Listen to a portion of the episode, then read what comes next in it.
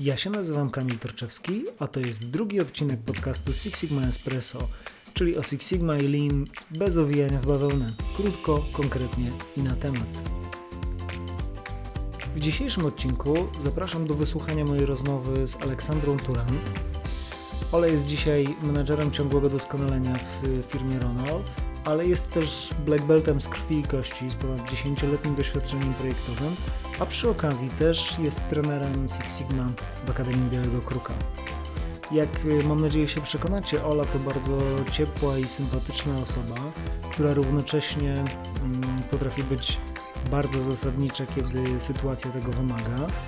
No i to również Ola jako pierwsza już kilka lat temu zadała to pytanie, dla mnie bardzo ciekawe, czy Six Sigma jest kobietą. Na to pytanie, jak też na kilka innych pytań znajdziecie odpowiedź w tym odcinku. Zapraszam serdecznie Kamil Torczewski i Six Sigma Espresso. Dzień dobry Ola. Dzień dobry Kamil. Na początek to chcę Ci powiedzieć, że w ogóle jak przyszedł mi do głowy pomysł tego podcastu Six Sigma Espresso, to byłaś jedną z pierwszych osób, o których pomyślałem, że bardzo bym chciał zaprosić właśnie tutaj i porozmawiać w tej takiej to konwencji. No i super, bo to jest dopiero drugi odcinek, a ty już jesteś. O, dziękuję bardzo. bardzo mi miło. Więc zależało mi, żeby ciebie zaprosić, bo tak, znamy się już dość długo, 10 lat dokładnie. Czyli 10 lat temu trafiłaś do nas na kurs Six Sigma Black Belt. Certyfikowałaś się dosyć szybko i śmieszne może, ale ja naprawdę do dzisiaj pamiętam oba twoje projekty z branży medycznej. Proces tabletkowania, stabilizacja jego i frakcje w maści tak. różne, które tam się nie chciały zachowywać tak jak należy i trzeba było im tam pomóc w tym trochę. No i przez te 10 lat y, ty zmieniałaś y, stanowiska oczywiście, zmieniałaś pracę też w międzyczasie, różne rzeczy robiłaś, ale dla mnie zawsze pozostałaś takim black beltem z krwi i kości i ja tak o tobie myślę, że gdzie ty byś nie była zawodowo, no to zawsze ten y, D-Make i tak naprawdę ten duch Six Sigma, sedno tej filozofii, które dla mnie jest ważne, ono w tej Twojej pracy się jakoś manifestuje, dlatego bardzo chciałem Cię zaprosić, żebyśmy o tym porozmawiali dzisiaj. A chciałem zacząć właśnie od y, zapytania Ciebie, to gdzie Ty dzisiaj jesteś? Co Ty dzisiaj robisz, Ola, zawodowo aktualnie? Dzisiaj aktualnie zawodowo zajmuję się wspieraniem realizacji projektów ciągłego doskonalenia, priorytetyzacją tych y, projektów, E, zajmuje się dbaniem o to, żeby właściwe projekty we właściwym czasie i we właściwym miejscu były uruchamiane, jak również e, zajmuje się ujednolicaniem podejścia do ciągłego doskonalenia procesów na grupę.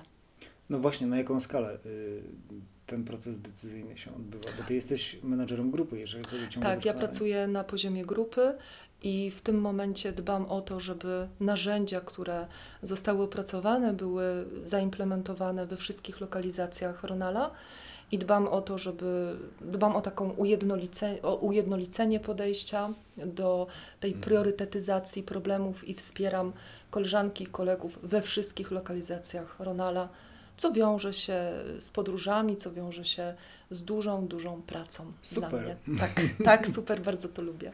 No, a powiedz, y, oprócz tego, że pomagasz w Ronalu uporządkować proces wyboru tematów do realizacji i decyzji, co jest istotne, a co jest na dzień dzisiejszy mniej istotne, to czy też włączasz się jakoś w rozwiązywanie tych problemów? Bardzo aktywnie. Mhm. Bardzo aktywnie zależy mi na tym, żeby y, nie odlecieć. To mhm. znaczy, żeby mhm mieć też własne projekty. Na ten moment nie jest to do końca możliwe, bo jestem czasowo zaangażowana w implementację y, właśnie tych narzędzi decyzyjnych, y, tych macierzy decyzyjnych. Natomiast cały czas staram się być w zespole projektowym, staram się wspierać moje koleżanki, moich kolegów y, w prowadzeniu projektów, które są bardzo ciekawe i ja tego po prostu nie zostawię. Mm -hmm. bo to jest... Co jest takiego ciekawego w tej pracy? Wiesz, się uśmiechasz, jak o tym opowiadasz. Mm, to jest podróż. To są same procesy, jakieś tysiące parametrów, nic nie działa tak jak trzeba. Większość rzeczy nie wiemy tak naprawdę. Co z tym ciekawego? No mogę powiedzieć o tym, co jest ciekawe dla mnie. Mhm. E, dla mnie ciekawy jest e, taki element podróży, e, element nieznanego. E, jest ciekawe. Rozumiem, że to, chodzi o to, jak latasz do Frankfurtu. Nie, nie, nie, nie, nie, nie, nie, nie, nie. To nie chodzi oczywiście o podróże dalekie i bliskie w sensie mhm, fizycznym, mhm, ale o mhm. podróż intelektualną, która jest podróżą w nieznane. To jest, to jest po, powiązanie pracy naukowca, badacza z pracą project managera. I, I to jest bardzo ciekawe, jak logicznie i strukturalnie może się ta praca w głowie odbywać. Bardzo ciekawe są pytania, które się mhm, pojawiają na, mhm. na drodze projektowej i bardzo ciekawe jest zbieranie y, liczb danych i faktów, czy też różnego rodzaju dowodów, y, które mają znaleźć odpowiedzi na te pytania. To jest bardzo ciekawe. Myślę, że moje koleżanki, moi koledzy y, zgodzą się ze mną, jak ciekawe są różne mhm. elementy projektów, które prowadzimy i, i i jakie to jest wszystko ciekawe. Czyli niekoniecznie trzeba pracować na uczelni e, czy gdzieś funkcjonować w świecie akademickim, żeby prowadzić badania naukowe, rozumiem. Zdecydowanie tak, natomiast... Można zostać black beltem. E, tak, zdecydowanie można zostać black beltem. Pracę naukową mhm. polecam tym badaczom, którzy lubią pracę solo. Mhm. Dlatego, że jeżeli mhm. ktoś lubi rozwiązywać problemy, ale za bardzo nie czuje się dobrze w towarzystwie ludzi i praca zespołowa to nie jest jego spełnienie marzeń, to polecam pracę na uczelni, gdzie można się zamknąć w czterech ścianach i sobie samemu odpowiadać na pytania. Natomiast jeżeli ktoś lubi ludzi i ludzie nasycają go energią i to jest środowisko, w którym czuje się dobrze, świetnie zapraszam na ścieżkę Black mm. Belta. Super. Ola, a powiedz, y, jak ścieżka Black Belta, czy jak kariera Black Belta wpłynęła w ogóle na Twoją rolę zawodową dzisiaj i jak ta przygoda Six Sigmowa miała, jakie ona miała znaczenie dla Ciebie? Miała bardzo duże znaczenie. Główne, główny wpływ kursu Black Belt i, i ścieżki Black Belta, który rozpoczął się już kilkanaście lat temu, y, główny wpływ y, polegał na uporządkowaniu mojego myślenia. Dzięki kursowi Black Belt, dzięki temu, czego nauczyłam się w akademii, mogłam uporządkować swoje myślenie, wykrystalizować je. Czyli oczywiście myślenie kategoriami liczb, danych i faktów, ale też koncentracja na tym, co jest najważniejsze. Mm -hmm. Nauczyłam się też pracowitości, mm -hmm. ponieważ kurs jest bardzo wymagający, jeżeli chodzi o koncentrację, konsekwencje mm -hmm. i pracę.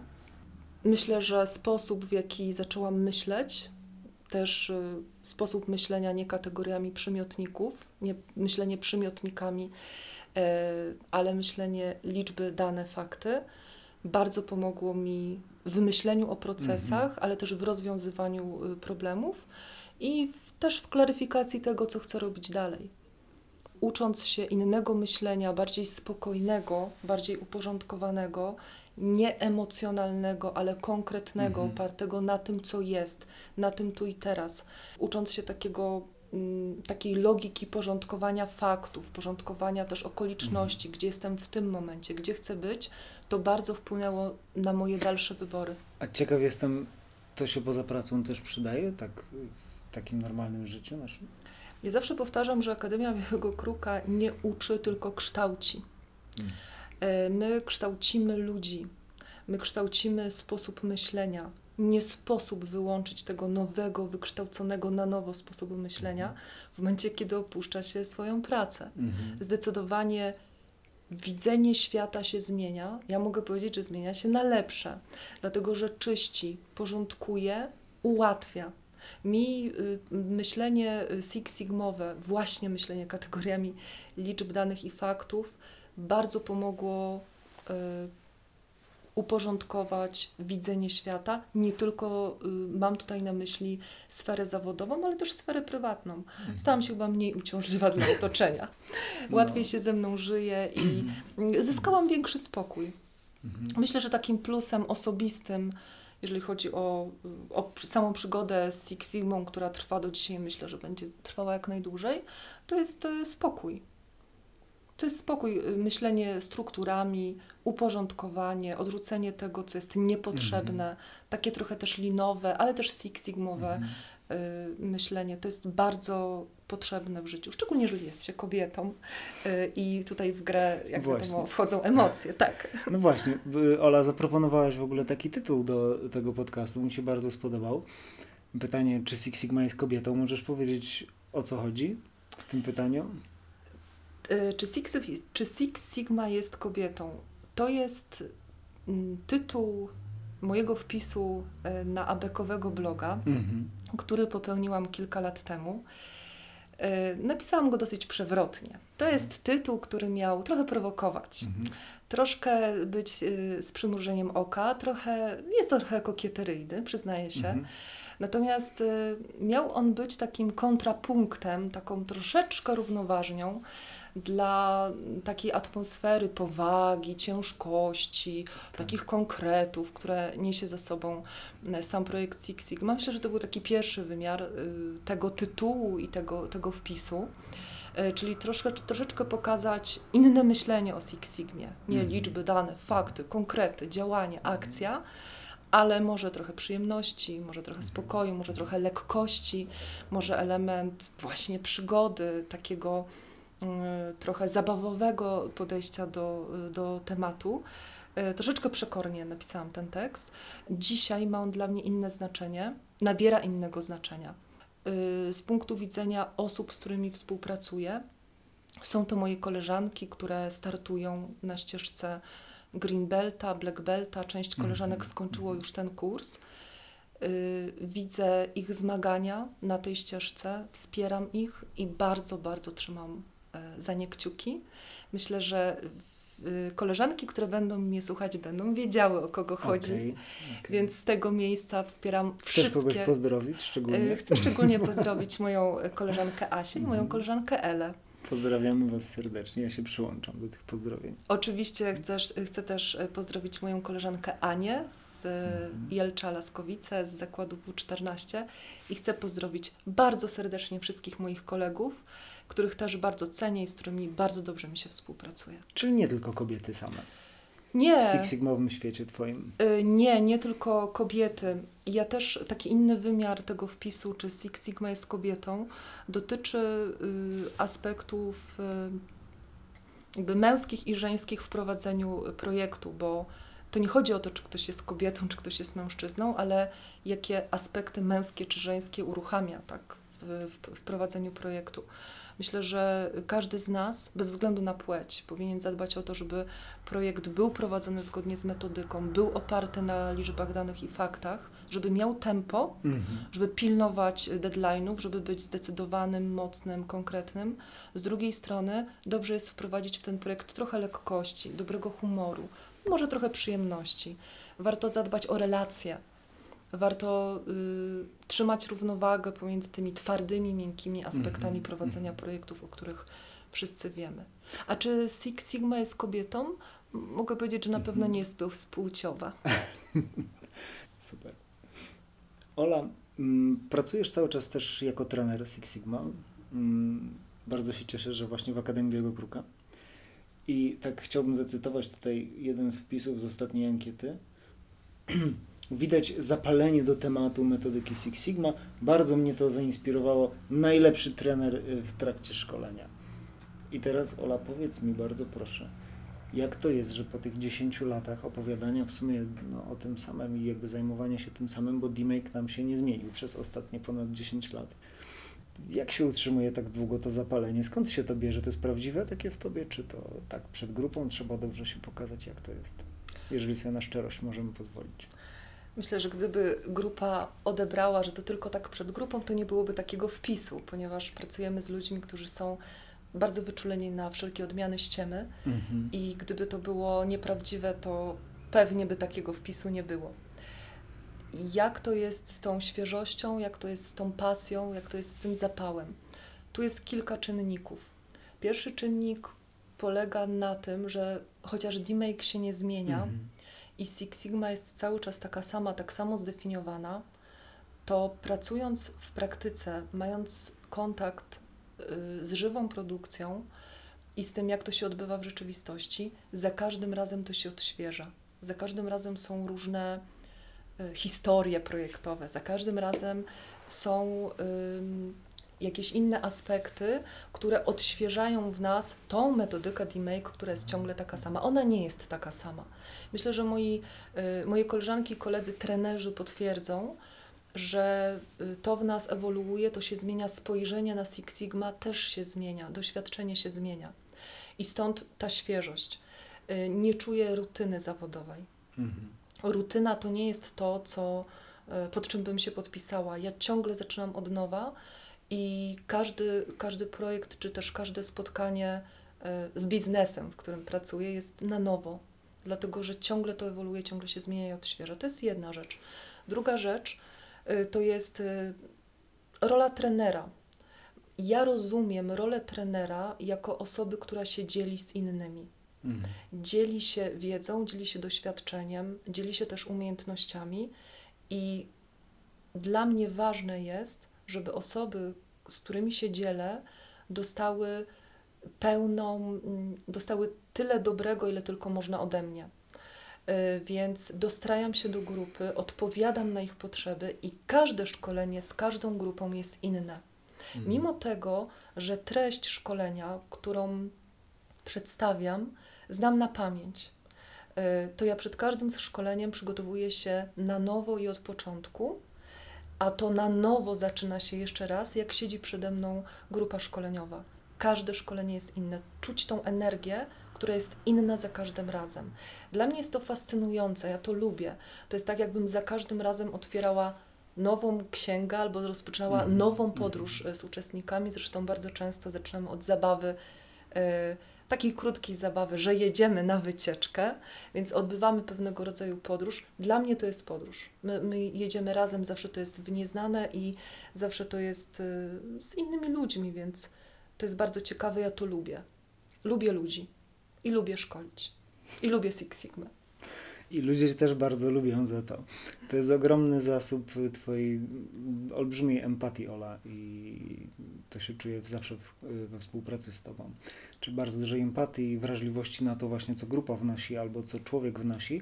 No ale równocześnie ja cię też znam trochę z drugiej strony, czyli że nie daj Panie Boże jakieś małe odstępstwo gdzieś tam od y, regułki naszej demake'owej i się zaczyna dziać wtedy historia poważna, bardzo. Prawda to? Och, trochę jestem ortodoksyjna, jeżeli chodzi o metodykę. Mm, szkoliłeś mnie, Kamil. Y, miałam tą przyjemność y, mieć z Tobą zajęcia, mieć zajęcia z Michałem. Y, no, pamiętam to do dzisiaj. I no, uczyłam się od najlepszych, jeżeli chodzi o ortodoksję i metodykę D-Make. Więc tak, rzeczywiście te kroki define, measure, analyze, improve i control mam gdzieś wryte w mózg i zdecydowanie uważam, że każdy z tych kroków jest niezbędny, potrzebny. To jest trochę jak taniec na linie. Tutaj potrzebna jest precyzja. Oczywiście chodzi mi o precyzję myślenia, precyzję porządkowania faktów. Mhm. Ja lubię porządek. Y, porządek przede wszystkim w myśleniu i porządek w rzeczywistości. Lubię porządek w rzeczywistości, w rzeczywistości, w której pracuję. D-Make y, pozwala taki porządek utrzymać, szczególnie porządek w rozwiązywaniu problemu.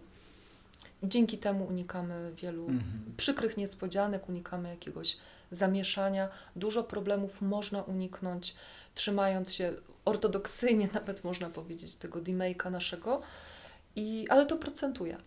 To procentuje, także robię to bardziej z troski, o projekt, z troski o zespół, z troski o ludzi, niż rzeczywiście z jakiejś mhm. ortodoksji, mm -hmm. która jest niczym nieuzasadniona. Chcę Ci powiedzieć, Ola, że bardzo się cieszę, że tak dobrze wspominasz szkolenie ze mną i z Michałem, ale też myślę sobie, że już dawno uczeń przerósł mistrza, także y, tym bardziej się z tego cieszę też.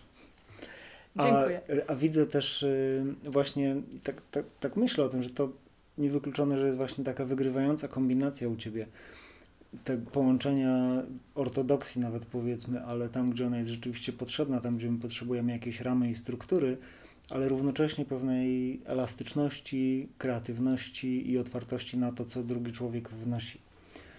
I może przy tej okazji Cię zapytam, bo wiem, że oprócz tego kształcenia D-Make'owego, Six Sigmowego, inżynierskiego, no to masz za sobą doświadczenia też takie jak y, Instytut Psychologii Procesu, jak e, szkoła psychoterapii Gestalt, czyli bardzo dużo też rozwijałaś swoje kompetencje w tych obszarach miękkich.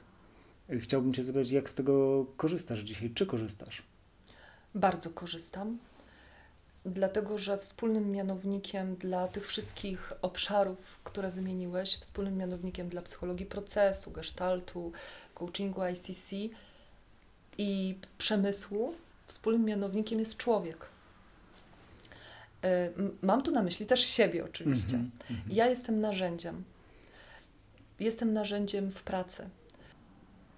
Rozszerzanie świadomości siebie, uczenie się, kim jestem, jak funkcjonuję, jak odnajduję się w relacjach z innymi, pomaga, y, pomaga lepiej współpracować z innymi, y, pomaga czynić więcej dobrego. Y, ja i nie chodzi o, o tutaj oszczędności. Nie, nie chodzi o oszczędności. Może chodzi o to, żeby oszczędzić innym gorszą mhm. wersję siebie. Okej. Okay. Tak, może Pięknie o to oszczędzić. to powiedziałaś. Tak. Możesz tu jeszcze raz? Że... Chodzi o to, żeby oszczędzić innym gorszą wersję siebie. Mm -hmm. Moim celem rozwijania miękkich kompetencji było przede wszystkim lepsze poznanie siebie. Mhm. Lepsze poznanie tego, kim jestem, jak reaguję, co jest dla mnie najważniejsze i czy to, czym zajmuję się teraz, to jest rzeczywiście to, czym powinnam mhm. się zajmować. Mhm. Dlatego, że mm, czuję się odpowiedzialna no, za siebie i za innych i za to, co robię, więc ważne było dla mnie sprawdzenie sobie, jak funkcjonuję, kim jestem, ale też doskonalenie siebie, jeżeli chodzi o komunikację, o to, żeby lepiej rozumieć ludzi, żeby ich zacząć słuchać. Nie zawsze y, słyszymy innych, nie zawsze jest w nas miejsce na innych na tyle, na ile potrzeba. Teraz y, jestem w takim miejscu, w którym widzę, jak bardzo ważne jest słyszenie innych jak bardzo ważne jest to, żeby zrobić w sobie miejsce dla prawdy drugiej osoby, hmm. żeby nie oceniać, żeby od razu nie odrzucać czyjejś opinii, czy czyje, czyjegoś przekonania na jakiś temat. Mówię tutaj o projektach, mówię tutaj o tym, że każdy ma swoją historię mm, związaną z procesem, każdy ma swoją opowieść i swój punkt widzenia, i warto w sobie taki mechanizm wyrobić, żeby przyjąć to, przyjąć to obiektywnie, później zweryfikować, natomiast od razu nie oceniać. Od razu nie oceniać. Więc wspólnym mianownikiem dla tych miękkich mm -hmm. moich przygód mm -hmm. i tego, co robię teraz, jestem ja i ludzie. Człowiek mm -hmm. jest zawsze. Ludzie są najważniej, najważniejsi. Ola, a y, zostawiając na chwileczkę ludzi, a przechodząc w technikalia, tak żeby była, wiesz, równowaga. Trochę serca, trochę jednak tego rozumu. No bo ty pracowałeś w branży medycznej, czy to farmaceutycznej w zasadzie trzeba powiedzieć, prawda? Produkcja leków. Mm, teraz, kurczę, odlewasz jakieś felgi stalowe i aluminiowe. Aluminiowe chyba tylko. Tak, y, koła aluminiowe. Mhm. No jak to się jedno ma do drugiego? I pytanie moje najważniejsze, na ile rzeczywiście zmiana branży oznaczała jakąś, jakiś duży przełom w tym, co ty robisz zawodowo? Na ile istotność tej branży jest rzeczywiście tak duża, jak wielu e, menedżerów czy naszych klientów uważa, czyli powtarzając o tym, że ta konkretna branża, ona jest taka absolutnie wyjątkowa, a dana firma jeszcze najczęściej też ma swoją wyjątkowość w tej już wyjątkowej branży. Jak to jest z Twojego doświadczenia? Bo byłaś w różnych światach. Tak, uporządkujmy, że to nie ja odlewam, tylko moi koledzy odlewnicy. Ja obserwuję ten proces z boku. Natomiast w odpowiedzi na unikalność branży. Y, z mojego punktu widzenia Black Belta branża nie ma znaczenia. Zawsze... I zapad, tutaj powinna być taka jakaś cisza albo taki, nie wiem, dramatyczny jakiś sygnał dźwiękowy. O, branża nie ma znaczenia. Branża nie, ma, nie ma znaczenia. znaczenia. Nie, branża nie ma znaczenia zawsze y, proces jest procesem. Mamy wejścia, transformacje mhm. i wyjścia.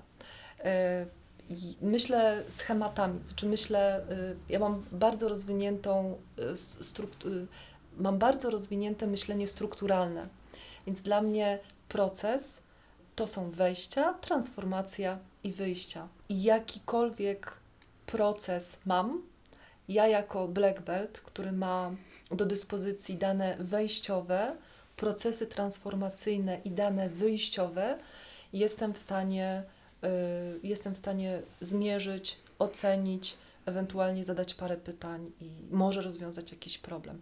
Oczywiście ja mam metodykę i ja mam narzędzia. no i nie da się ominąć tych ludzi. Mhm. Niestety jest tak, że są mhm. osoby, które mają bardzo głęboką wiedzę o procesie. I dlatego między innymi praca Black Belta to nie jest praca solo, dlatego że nie jest mhm. możliwe bez współpracy z fachowcami, którzy znają proces od lat i tu też mogę wspomnieć o moich odlewnikach, czyli mm -hmm. osoby, mm -hmm. o osobach, które zajmują się na przykład y, procesem odlewania. Nie jest możliwe bez tych osób y, rozwiązanie żadnego problemu. Tu dobrze jest rozumieć, dobrze jest y, rozróżnić, rozróżnić -hmm. ale też zrozumieć naszą rolę jako black belta. To nie jest tak, że ja mam nagle wszystko wiedzieć o danym procesie. Nie. Ja mam umieć zbudować zespół, zbudować strukturę pracy i moderować spotkania projektowe tak, żeby były odpowiednio nasycone wiedzą. Po pierwsze, wiedzą o tym, co potencjalnie może być przyczyną.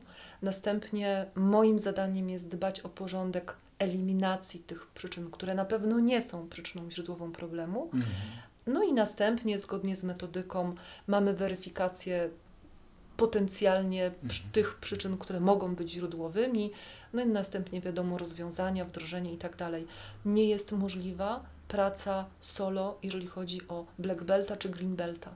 Dlatego mówię, że branża y, nie gra tu roli, ponieważ y, przy dobrze rozwiniętych umiejętnościach pracy zespołowej i czerpania wiedzy od innych w ramach rozwiązywanego problemu, istotnego problemu biznesowego. W ramach tego jesteśmy w stanie zrobić wszystko i wszędzie, i w, każdej, mhm. w każdym procesie.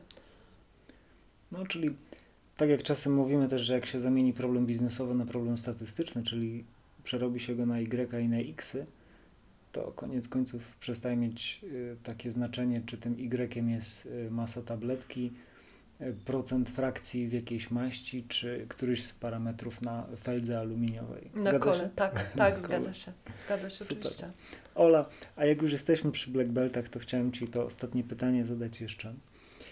Mm, jakbyś miała doradzić dzisiaj komuś, kto bierze pod uwagę taką ścieżkę kariery dla siebie, myśli o tym, żeby gdzieś zapisać się na kurs Black Belt i podążać tą drogą, to jakie Twoim zdaniem najważniejsze pytanie jest, które sobie powinien zadać? Myślę, że powinien sobie zadać trzy pytania. Hmm. Pierwsze pytanie, czy lubi podróże?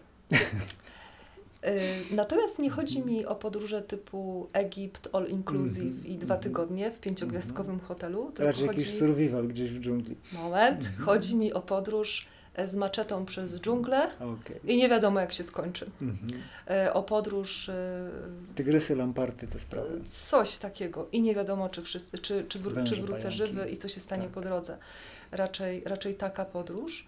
Drugie pytanie to, czy chcę podróżować sam, czy z ekipą.